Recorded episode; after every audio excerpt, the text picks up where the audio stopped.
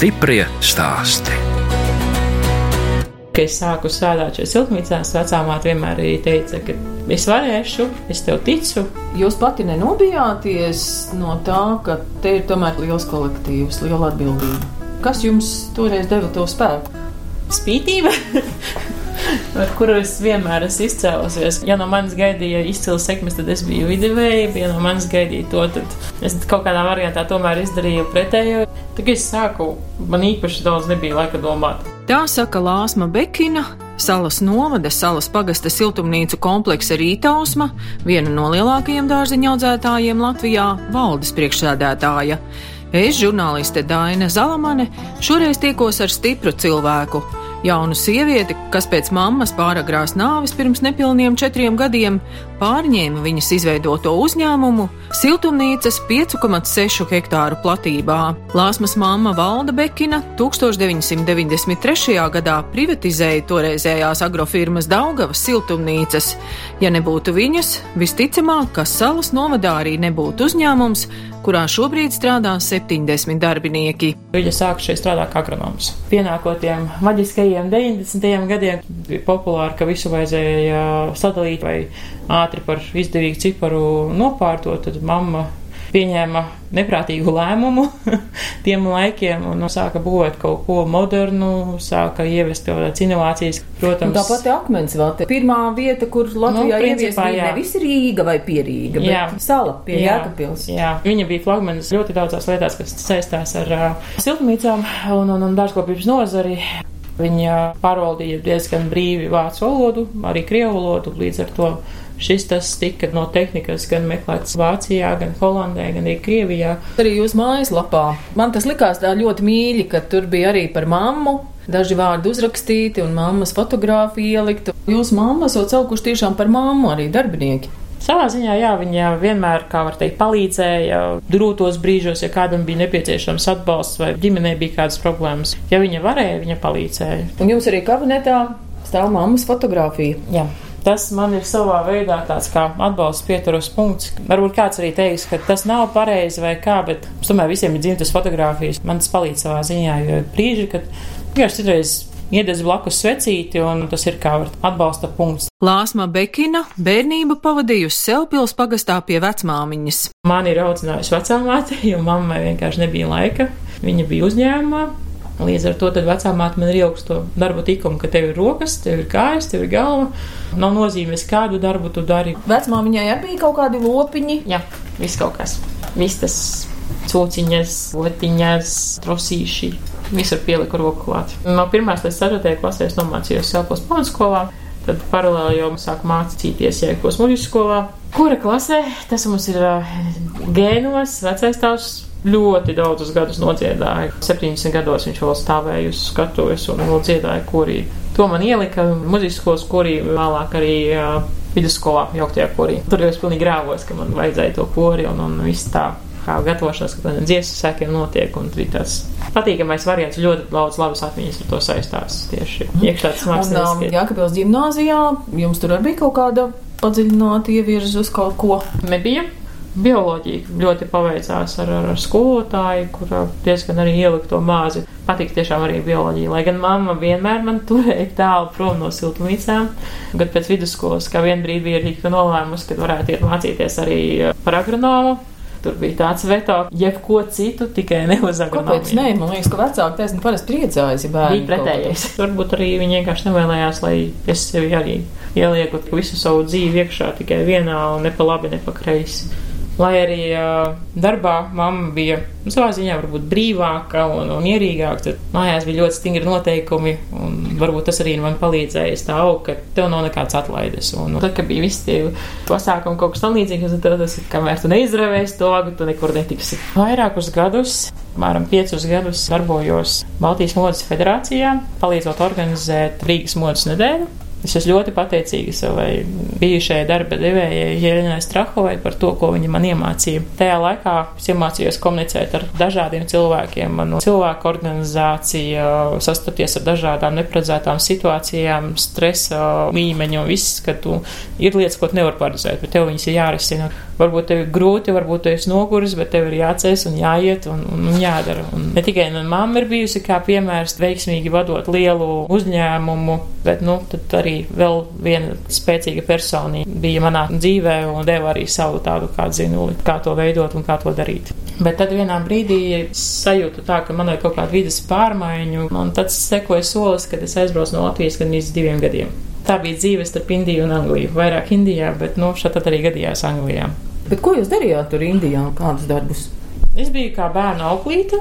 Turīgai ģimenei bija un bija arī daudz dažādu ikdienas darbi, kas bija jāveic. Tur nebija tas rožainais stāsts, tā ir arī savā ziņā arī pieredze. Varbūt ne rūkta, bet no nu, ar savām mācības stundām, kad jebkurā gadījumā ārzemēs tu esi svešais, tu nebūsi savējais, tu nebūsi līdzvērtīgais un tevi tāpat uztvers kā kaut kādu iebraucēju. Man tas nebija mērķis piepelnīties, tas bija vairāk tieši redzēt kultūru no otras puses, bet pats galvenais iemesls bija arī valoda apgūt. Vēlāk es varēju sarunāties jau arī vietējā dialektā, panģabī, bet nu, cirkulāts brīžam jutos, tāpēc, kad atbrauc kāds ciemiņš vai kas, vajadzēja uzreiz pasaukt, redziet, viņi saprot mūsu valodu. tas skaitījās tā prestiži, ka viņiem lūk jā, kalpone. jā, baltais cilvēks. Un cik lieli tie bērniņi bija? Kad es sāku strādāt, vienam bija tuvu diviem gadiem, un, un vienam bija trīs gadiņiem daži mēneši. Māsma, tas pēc tādas avantūras mazliet izklausās. Varbūt tāpēc arī lielai daļai likās, ka tad, kad es sāku šeit strādāt, nu, ko jau cilvēks, kas ir strādājis vairākus gadus organizējot modas pasākumus, pēkšņi vēl aizskrien projām uz Indiju, kas tur būs. Tā Indija, Anglija, tas bija tāds sevis meklējuma ceļš. Varbūt arī gūt to rūdījumu, lai man pēc tam būtu vieglāk arī atgriežoties Latvijā. Pēkšņi un negaidīti Valdu Bekinu 54 gadu vecumā pārsteidza insults. Viņa iegāja slimnīcā un dienu, pusotru dienu vēlāk man vienkārši bija zvans no mājām. Ir jābrauc mājās, mammai nav labi. Es izlidoju naktī, kad viņa aizgāja. Es biju Maskavā Šremicila lidostā un gaidīju nākamo reisu uz Rīgu un neviens ģimenē necēla telefonu no rīta un tad es zvanīju ārstam un tad man ārsts vienkārši nolika fakta priekšā, ka jau pāris stundas kā mammas vairs nav un tad ir tāds Un tu atkal stāvi kaut kur svešumā viens pats, un tu domā, kā būs tālāk. Nu, jautrā bērnība ir beigusies nosacīti. un jāsāk domāt, pieņemt nopietnus lēmumus. Vecai mātei nācās būt līdzās, jo redzēt to, kā pārdzīvo māte, zaudējot savu bērnu un censties saprināt un kaut kā likt cilvēkam savākties, nu, tas laikam ir pēdējais, ko es kādreiz vēl gribētu dzīvē piedzīvot, kad gribi pats raudāt, bet tu nevari raudāt, jo saproti, ka tev pretī sēž cilvēks, kuram ir vēl lielāka sāpe. Tev ir jāspēj to cilvēku sapurināt un dot kaut kādu dzīvot prieku. Kad es atgriezos Latvijā, es vēl biju sākotnēji plānojis atgriezties atpakaļ gan Indijas, gan Anglijas dzīvē. Bet aptuveni trīs mēnešus nodzīvojot Latvijā, es sapratu to, ka man nāksies būt kucēnam peldēt pret traumu, cik vien ir spēka. Bet varēja taču visu pārdot. Varēja, jā. Bet, uh, Nebija kāds pircējs jau pieteicies? Personīgi man nē, jo es sākotnēji nebiju pie vadības grožiem, bet cik nostāsti ir bijuši, tad ir bijuši pircēji, bet man tas īsti neuzrunāja. Dažreiz smējos, ka siltumnīca ir mana karma. Šīs siltumnīcas mātei bija kā otrs bērns kam viņa veltīja ļoti daudz laika, enerģijas, lai viņas būtu tādas, kādas viņas ir. Un, uh, Viena no pēdējiem vārdiem, ko Krusmans man atstāstīja, ka ģimenē bija diezgan populārs arī melnais humors, un tad tie viņas vārdi vieni bijuši uz jautājumu, nu, testaments sastādīja. Mamma bija vienkārši pacēlusi acis un pateikusi, priekš kā man taču ir meita. Pateicoties mammas sadarbības partneriem Nīderlandē, Lāsma rekordīsā laikā apguva pamatzināšanas siltumnīcu jomā. Viens no ilgadējiem sadarbības partneriem, kas arī bija liels atbalsts jauno siltumnīcu būvniecībā 2015. gadā, ar poļu partneri atbrauca uz šejieni. Iepazīties ar jauno īpašnieci un tika dota iespēja braukt, mācīties uz mācību centru Maķedonijā, ļoti intensīvā variantā tika pielāgots speciāls kurs Z par siltumnīcām, koncentrējoties uz tomātu audzēšanu, bet, nu, principā viss, kā notiek automatizācija, kā notiek dažādu mērierīču kalibrēšana kā tiek veidots barošanas šķīdums, kāda nozīme ir saulē, ko nozīmē aizvērt, atvērt laikā vai tieši atvērt nelaikā kādu ekrānu. To visu iespējams tā ļoti, ļoti ātri apgūt. Un tas bija tajā brīdī vienīgais cilvēks, kas noticēja, ka es varu šeit strādāt, darboties, ka man ir kaut kāda tāda dzirstele, kaut kāds mammas gens no cilvēkiem, kas kādreiz teica, nē, tu to nevarēsi, daži pasaka, jā. Es neteicu, ka to, to varēs, bet tu to esi izdarījusi. Stiprie stāsti.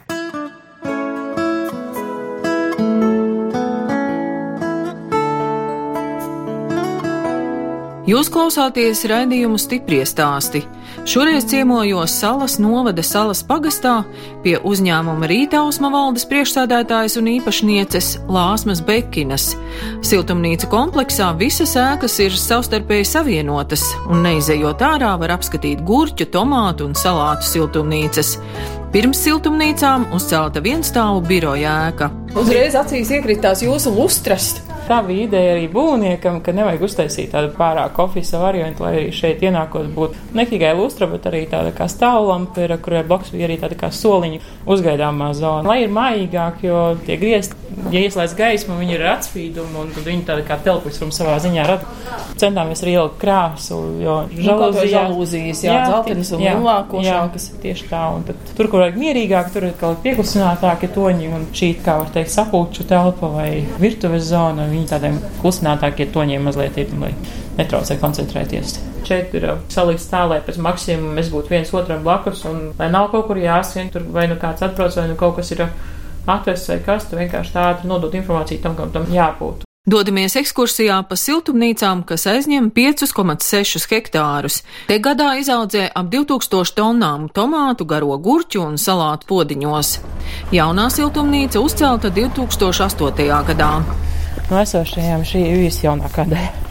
Es tik lielā vēl neesmu bijusi, jo otru galu vispār neredzu, vai ne? Mēs jau redzēsim, bet te kopumā tiek gandrīz nepilni 2,7 hektāri sanāk. Jūs pat vairs neaudzējat tomātus, gurķus, akmens vatē, bet te ir vēl kaut kāds modernāks materiāls. Gados desmit, manuprāt, šeit tiek audzēts kaut kas šķiedrā. Tā ir, tā teikt, sasmalcināta kokosriekšas čaula. Un ko tas dod? Salīdzinot ar kūdru, viņa nav tik blīva vairāk ir skābeklis saknītei, kas arī dod efektu priekš paša auga un palielina ražību arī. Katram stādiņam ir vadiņš klātā, tad Jā. tur ir pilienu veidu laistīšana. Pilienu veidu laistīšana, tiek viss nepieciešamā barības ielas iedotas un katru dienu arī tiek noņemta analīze, kas viņam par daudz, kas viņam par maz un nekas netiek pārbarots. Mums nevajag zaļo masu, mēs tomēr ejam uz ražu un, un līdz ar to vajag sabalansēt šo barības vielu padevi un ikdienā ir cilvēks, kas par to rūpējās. Varošana ir datorizēta, un šeit arī ir paslēpušās kamenītes, kas čakli strādā šobrīd. Tā kā... ir tāda kartona kaste. Jā, ar visu iekšā, kas ir nepieciešams. Kamenes aputeksnē vai ko viņas Jā, dara? Viņas ir aputeksnēšanai. Un tad tās, kas dūts, ir kamenes. Jā. Jā, bet tik droši var atvērt, tāpēc, ka tur virsū ir tāds plasmas sietiņš. Jo es aiztaisīju šobrīd uh, eju, lai viņas netiek laukā. Un kamenes ir no Latvijas vai? Nē, šīs ir veļu. Viss importa. Var teikt, kaut kas substrāts arī tas ir Šrilanka. Visi runā par to, ka siltumnīcas ir viens liels ķīmijas, bet mēs ļoti daudz kukaiņus apkarojam ar pretēju kukaini, kas ir kā plēsēja kukainis. Tā ir investīcija daudz lielāka nekā kaut kāda ķīmijas burciņa, kas tiek uzgāzta virsū. Un gan tā pati laputs, gan alotāja, muša, gan tīklērce. Tam visam ir atrasti vai nu kūniņas, vai nu kāpurs stadijās mums tiek piegādāti kaitēklim ne īpaši pozitīvie zvēriņi, un tad mēs ar viņiem arī apkarojam. Varbūt dārgāk, bet nu, viņi ir drošāki. Izstāstiet, kas tad šīs ir par caurulēm? Tās ir apsildēji. Tās ir gan apkuras caurules, gan arī transportēšanai. Ir speciāls automatizētās tačkas vai ratiņi. Nu, ja jums tie tomāti arī tik milzīgi augstu aug, tad jau tur vispār nolējas citādi nevarētu tikt klāt. Nu jā, pats pamats tāds var sasniegt 11-12 metrus. Hidrolika paceļās, un otri tādi nelielāki ratiņi, kas ir vairāk ražas lasīšanai un lai arī izvestu ražu laukā, jo ejas ir turpat 80 metri garas aptuveni. Neviens ar uz rokām nenesīs ārā kasti. Un, ja tās kastes ir aptuveni simts dienā vai vairāk, nu, tad tur ir jāreikinās, ka cilvēks bez rokām būs. Šie tomāti, kad tad ir sēti? Tad Mēs pērkam gatavus stādus. Stādīšana mums notika februāra sākumā. Un pēc mēneša jau ir tomātiņi aizmetušies. Aizmetušies, bet pirmo ražu gaidām aptuveni 2. aprīļa nedēļa. Šie ražos līdz pat sezonas beigām, oktobris vidus aptuveni. Kā jūs katru dienu visu to teritoriju arī apstaigājat? Ne katru dienu. Šeit arī pārvietojas gan agronoms, gan tehniskais vadītājs. Viņi pārvietojas riteņiem. Es priekšroku drogu pastaigai. Mierīgi ir iespējams nostaigāt desmit un vairāk kilometrus dienā. Salātiem tad ar dienas gaismu vien nepietiek. Ne. Lai audzētu viņus šajā brīdī un lai viņus nosūtītu uz veikalu februārī izmantot papildus apgaismojumu un, un, un iegūt ražu arī februārī. Un tās ir dienas gaismas spuldzes vai kas tās ir? Šie nav LED, bet iesim, domāju, ka nākotnē uz kaut ko višķīt modernāku, kas arī ir ekonomiskāks. Un šobrīd topā ir tas teiciens par energoefektivitāti un, un, un racionālu resursu izmantošanu. Tad šīs mums ir vecās nātrija lampas un nebūtu slikti nomainīt kaut ko modernāku. Jums salāta aug saucamajos podiņos. Podiņos, jā. Hidroponikā visa barošana viss notiek arī caur sakni. Šeit ir rene, kurā tiek ielaists barošanas šķīdums. Brenē ir slīpums, liekais šķīdums notek un augs dabūna to optimālo mitrumu, kas viņam ir nepieciešams. Datorizēta ir laistīšana, konkrētos laika ciklos tiek iedots konkrēts daudzums.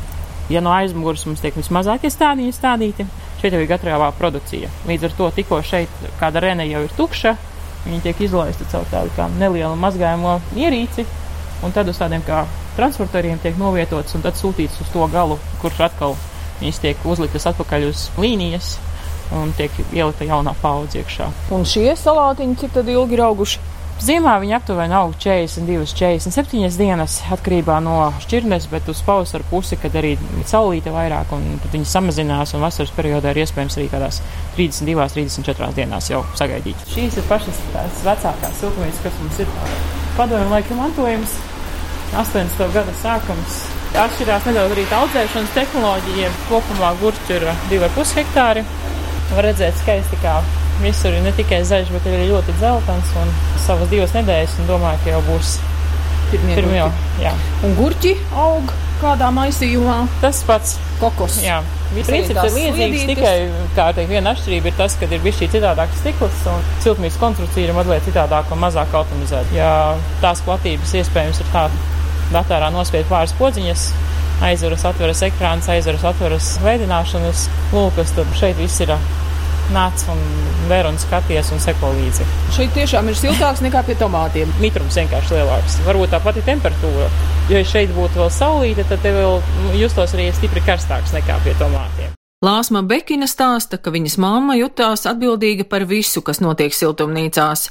Lāsma atbildības jomas ir sadalījusi. Mamma situācijā būtu bijis tāds, ka viņai vienmēr zvanītu, un viņa būtu tiekusies vienmēr kaut kur naktī un tam līdzīgi. Citreiz man gribas arī pateikt, kāpēc jūs man nesat zvanījuši. Un tad man ir nākamais jautājums, "A, ko tu būtu darījusi? Skatītos? Mēs visi varam paskatīties, bet mums vajag darīt tā. Es, jā, jūs jau no tā nebūtu, ka es tur trijos naktī vai divos naktī atskriet un skatītos, kā tur sūknis, piemēram, neiet. Būs vajadzīgs kaut ko atvest no kaut kurienes. Jā, es iekāpšu mašīnā un aizbraukšu, bet tas reti gadās. Bet jums te kāds ir arī visu caur uz Jā. vietas?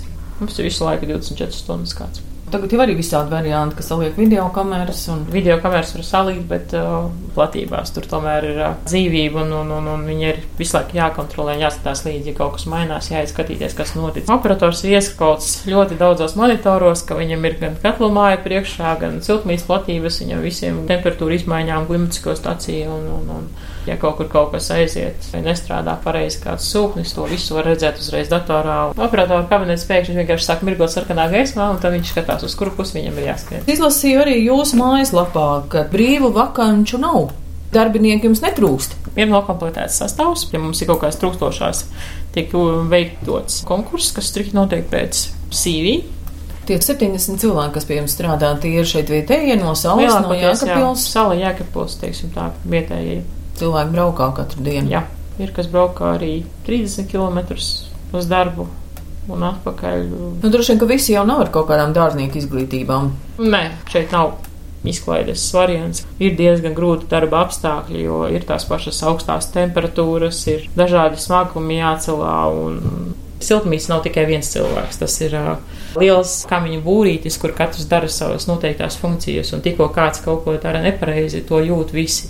Tas ir uh, gan komandas darbs, gan kolektīva darbs. Kas ir vajadzīgs, lai cilvēks noturētu un lai cilvēki netrūktu? Galvenais, lai būtu tā alga pietiekami liela. Arī alga, ja es spēju nodrošināt adekvātu arī atalgojumu, nebūs šobrīd problēmas. Kāds ir adekvāts atalgojums? Ne jau minimālā alga. Noteikti nē. Mums ir sava stundu likme.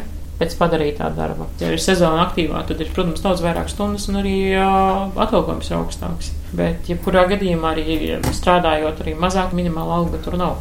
parunājot no malas ar, ar līdzīgu līmeņu uzņēmēju, un tu vari to naudu ielikt attīstībā, kāpēc tev jāmaksā tādas lielas algas. Un tu man ir vienkārši jautājums, nu jā, ok, cik reizes sezonā tev nomainās darbinieki. Un vai tavs izaudzinātais darbinieks, kurā tu esi ieguldījis nākamo sezonu, tad nepasaka, čau, neaiziet kaut kur citur. To algu jebkurā gadījumā nāksies agrāk vai vēlāk celt. Varbūt savu veidu arī drošība, lai mums arī sezonāls darbs ir daži mēneši ziemā, kad ir atpūta. Bet tas, ka ir iespēja atgriezties un ka zini, ka tev tā darba vieta arī būs. Cenšamies dot kaut kādus arī bonusus, vai tā ir veselības apdrošināšana, vai tas ir šādi arī kaut kādas ekskursijas vai uh, pasākumu, ko reti sanāk uztaisīt, bet kaut kā cenšamies, lai arī kolektīvs kopā sanāktu. Un... Tātad jūs esat arī kooperatīvā Baltijas dārzeņi. Jā, esam biedrs jau vairāk kā desmit gadus. Tad ar viņa palīdzību jūs arī Jā. tirgojat. Mūsu galvas sāpes ir nodrošināt to apjomu, ko mēs varam nodrošināt, un mēs esam vienojušies piegādāt tādu apjomu, tad mēs arī cenšamies to apjomu dot. Nu, bet šeit jūsu produkciju taču var nopirkt šeit vai Jākapelī? Jā, blakus pašām siltumnīcām ir kioskiņš, un tad mēs arī visu tā produkciju, kas mums ir saražota, varbūt krāsa citādāk, varbūt forma citādāk. Nu, nav standarts Eiropas. Jā, nav tikai tas, ko mēs veiklos lielveikaliem nododam. Mēs tik ļoti ejam uz to, ka mums vajag augstākā labuma produkciju, ka mums vajag pašu labāko, ka mēs esam tikai par Latvijā audzēto. Tad, kad nonāk līdz tam Latvijā audzētājiem, tad ļoti daudz saka, bet kā, nu viņš taču ir tik dārgs. Es taču var nopirkt lētāk. Mēs esam vārdos skaļi, bet uh, īstenībā ar darbiem mēs nenovērtējam to savu vietējo produkciju, ko vietējam ražotājiem tas prasa to gala produktu uzražot un nodrošināt tās darba vietas. Droši vien katru reizi, kad ceļas gāzes vai elektrības cenas, tad jūs saķerat galvu. Nu, jā, tas ir. to nākas darīt. Un, uh, Bet punkts. jūs kurināt ar gāzi? Jā, šobrīd tā gāzes skatlumā ir vieglāk uzturama kā kaut kādu alternatīvu meklējot. Cik jums gadiem plāni ir uz priekšu tagad?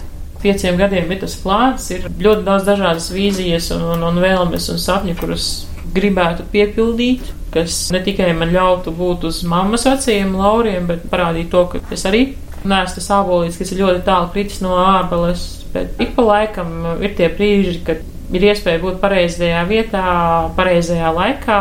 Un uh, satikt pareizos cilvēkus, kas spēj dot to iedvesmu, tas palīdz. Savā ziņā arī dot to rūdījumu, ka ir tā vēlme kaut ko darīt un, un nenolaist rokas. Un, domāt tālāk, un, un ne tikai kā būs rīt, bet kā būs pēc gada un diviem. Līdz ar to tu visu laiku esi kustībā, ka tu nevari apstāties un palikt uz tā, kas jau tev ir. Ka ir visu laiku jādomā, kā attīstīties. Arī siltumnīca arī vēl paplašināsiet. Doma tāda ir. Daudz iespēju šeit nav, teritorija tie ir tāda, kāda ir. Esam iespiesti starp gan privātmājām, gan upju un ceļu, tad, nu, kaut ko jau būs iespējams, bet, nu, tas varbūt mazie Napoleona plāni nākotnē. Stiprie stāsti.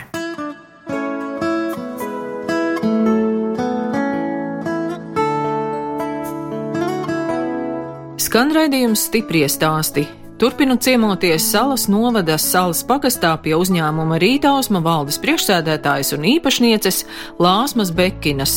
Viņa dzīvo privātmājā netālu no siltumnīcām dzīvoju turpat, kur mamma māja ar visiem bonusiem, gan ar lielu zālē, gan ar dārzu. Un es jau man kādreiz ravēšana un kaut kāda dārza iekopšana, tas bija, tas bija trakākās zovas sāpes, jo, nu, bērnībā es biju izdzīta pa visām iespējamām garajām vagām, kartupeļu biešu, un tad laukos arī visu laiku nepārtraukti. Katras brīvdienas es atbraucu no Rīgas, kaut kas ir jāravē, un, un man tas bija caur gariem zobiem, un, ja tu neizdarīsi to, es tev nevadīšu atpakaļ uz vilcienu, un, un, un tam līdzīgi tur bija pierunāšanas, un mamma visādi tur cīnījās, lai es darītu to, kas man būtu jādara jādara. Tad šobrīd man tā dārza iekopšana un, un, un viss tā uzturēšana, es to daru un savu veidu realizāciju izbaudu. Suns vai kaķis arī jums ir? Jā, ir mazais draugs, neliels suņuks, un, un ir savs brīdis, kad ir pa istabu, ir savs brīdis, kad ir pāri un izbauda tos priekus, kā ir brīvībā, nevis kaut kur iesprostotam dzīvoklī vai kaut tam līdzīgs. Nē, es cilvēks, kurš atzīst, ka dzīvniekam jābūt pie ķēdes vai iesprostotam četrās sienās dzīvoklī, tomēr, ja ir iespēja ir zālēs un ir iespēja izlaist laukā, izskraidīties. Tas ir pats labākais. Nu, viņam vajag kaut kādu savu arī. Ne tikai mīlestība, bet arī disciplīna, protams. Man patīk ļoti garas pastaigas gar jūru, vienkārši citreiz pat tālu. Ņemot vērā to, ka Rīga nav nemaz tik tālu un jūrmāla netika, ikdienā es ļoti bieži atrodos pie autostūras.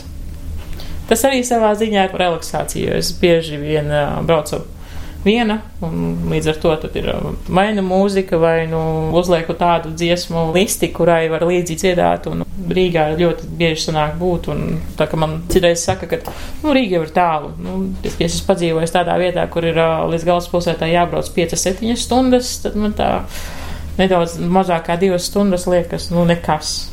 Diezgan daudz apmeklēju arī dažādus seminārus, gan kas ir tieši par nozari, kas ir pašizglītošanās, vienmēr ir saistījusi savu veidu kaut kādu pašizmu augsmes, apmācības, mazliet kaut kas no psiholoģijas, jo tas šeit palīdz.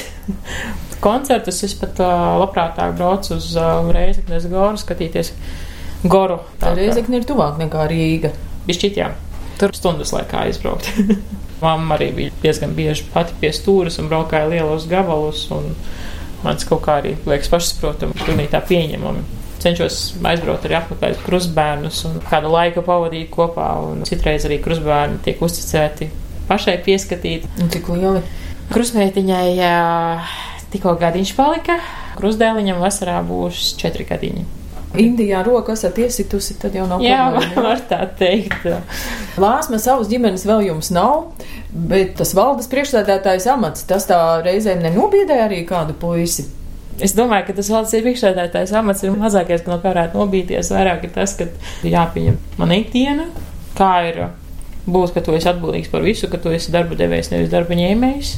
Bieži jau arī uzņēmēji saka, ka tas bizness ir tiešām tā kā bērns. Jā, savā ziņā, jā, jo nu, ja šobrīd es varbūt nedaudz mazāk esmu dienas laikā šeit um, darbā, tad citreiz arī es atbraucot vēl vakarā no Rīgas, es atbraukšu uz darbu. Nu, man vajag iebraukt vēlreiz stundu, divām, apskatīties, vai viss ir kārtībā. Citreiz tā viena stunda, tad aiziet arī uz trim, četrām stundām, un tad saprot, ka ir nakts vidus un ka laikam vajadzētu kā braukt mājās. Es esmu tas cilvēks, kurš labāk domā, tad, kad ir naktsais logs, kad neviens nerausta, kad ir mierīgi. Un maza kaislība vēl ir visādu gan pašizglītojušu, gan kaut kādas vēsturisku romānu iegāde. Tas ir tāds no bērnības iemīļots hobijs. Vecā mamma savā laikā bija bibliotekāre. Līdz ar to mājās bija dažādas grāmatas, gan pasakas, gan visi romāni populārākie. Un, un tad es to visu tā krustām šķērsām izlasīju, un man tas saglabājies īstenībā arī līdz šim brīdim. Tas izteikti naktspūtnis, ka citreiz arī vienkārši pamostos naktī un saprotu to, ka miegs vairs nenāk, un tad tāds pilnīgi tā mierīgi paņemu grāmatu, iekārtojies ērtāk un var arī lasīt kādos trijos, četros no rīta. Un tad pienāk tas brīdis, kad, ah, tagad varētu aiziet pagulēt, bet jāiet uz darbu. Citreiz labāka saruna nevis ar kādu cilvēku, bet ar sevi un grāmatu. Sāpils pagastā vecmāmiņai bija. Vecāmiņa joprojām ir. Janvārī palika 91 gads. Sprauna žiparīga, vienmēr kaut ko dara, nevar sēdēt mierā, viņai viss kaut ko vajag, tad viņai vajag rušināties vai ko darīt, bet viņai vajag kustību. Ziema viņai ir diezgan traki, jo jāsēž istabā, nevar nekur iet laukā. Bet, kad ir pavasars un vasara, tad lielākoties viņa kaut kur rušinās un kaut ko darās. Tas ir tāds, kā var teikt, man stiprais valsts, kad vecām viņa ir tā, kas man ir ielikusi. Ir jābūt arī kaut kādai mīlestībai par to, ko tu dari. Otrais, jūs to pašu darītu, pārņemt mammas biznesu.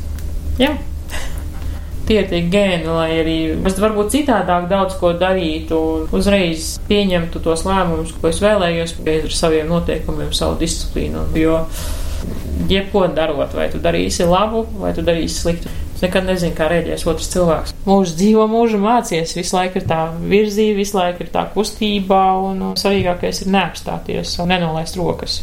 Citreiz sociālajā vidē redzot to, ka Latvijā ir viss slikti. Mēs esam tomēr dzimuši šeit Latvijā, un, un, un ja visi sāks domāt tādā pašā variantā, ka priekš kam cīnīties, vieglāk sakrāvēt koferi, aizbraukt un, un būt tālumā, tad mums nav jābrīnās, kur mēs esam. Šeit ir daudz iespējas, ko var attīstīt un ko darīt. Laime ir tur, kur tu esi dzimis.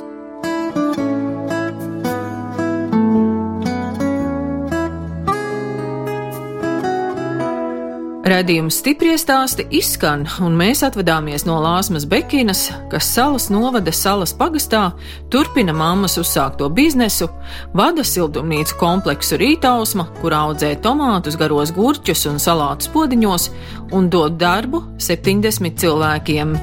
No jums atvedās žurnāliste Daina Zalamana un operātora Inga Bēdele, lai tiktos atkal tieši pēc nedēļas.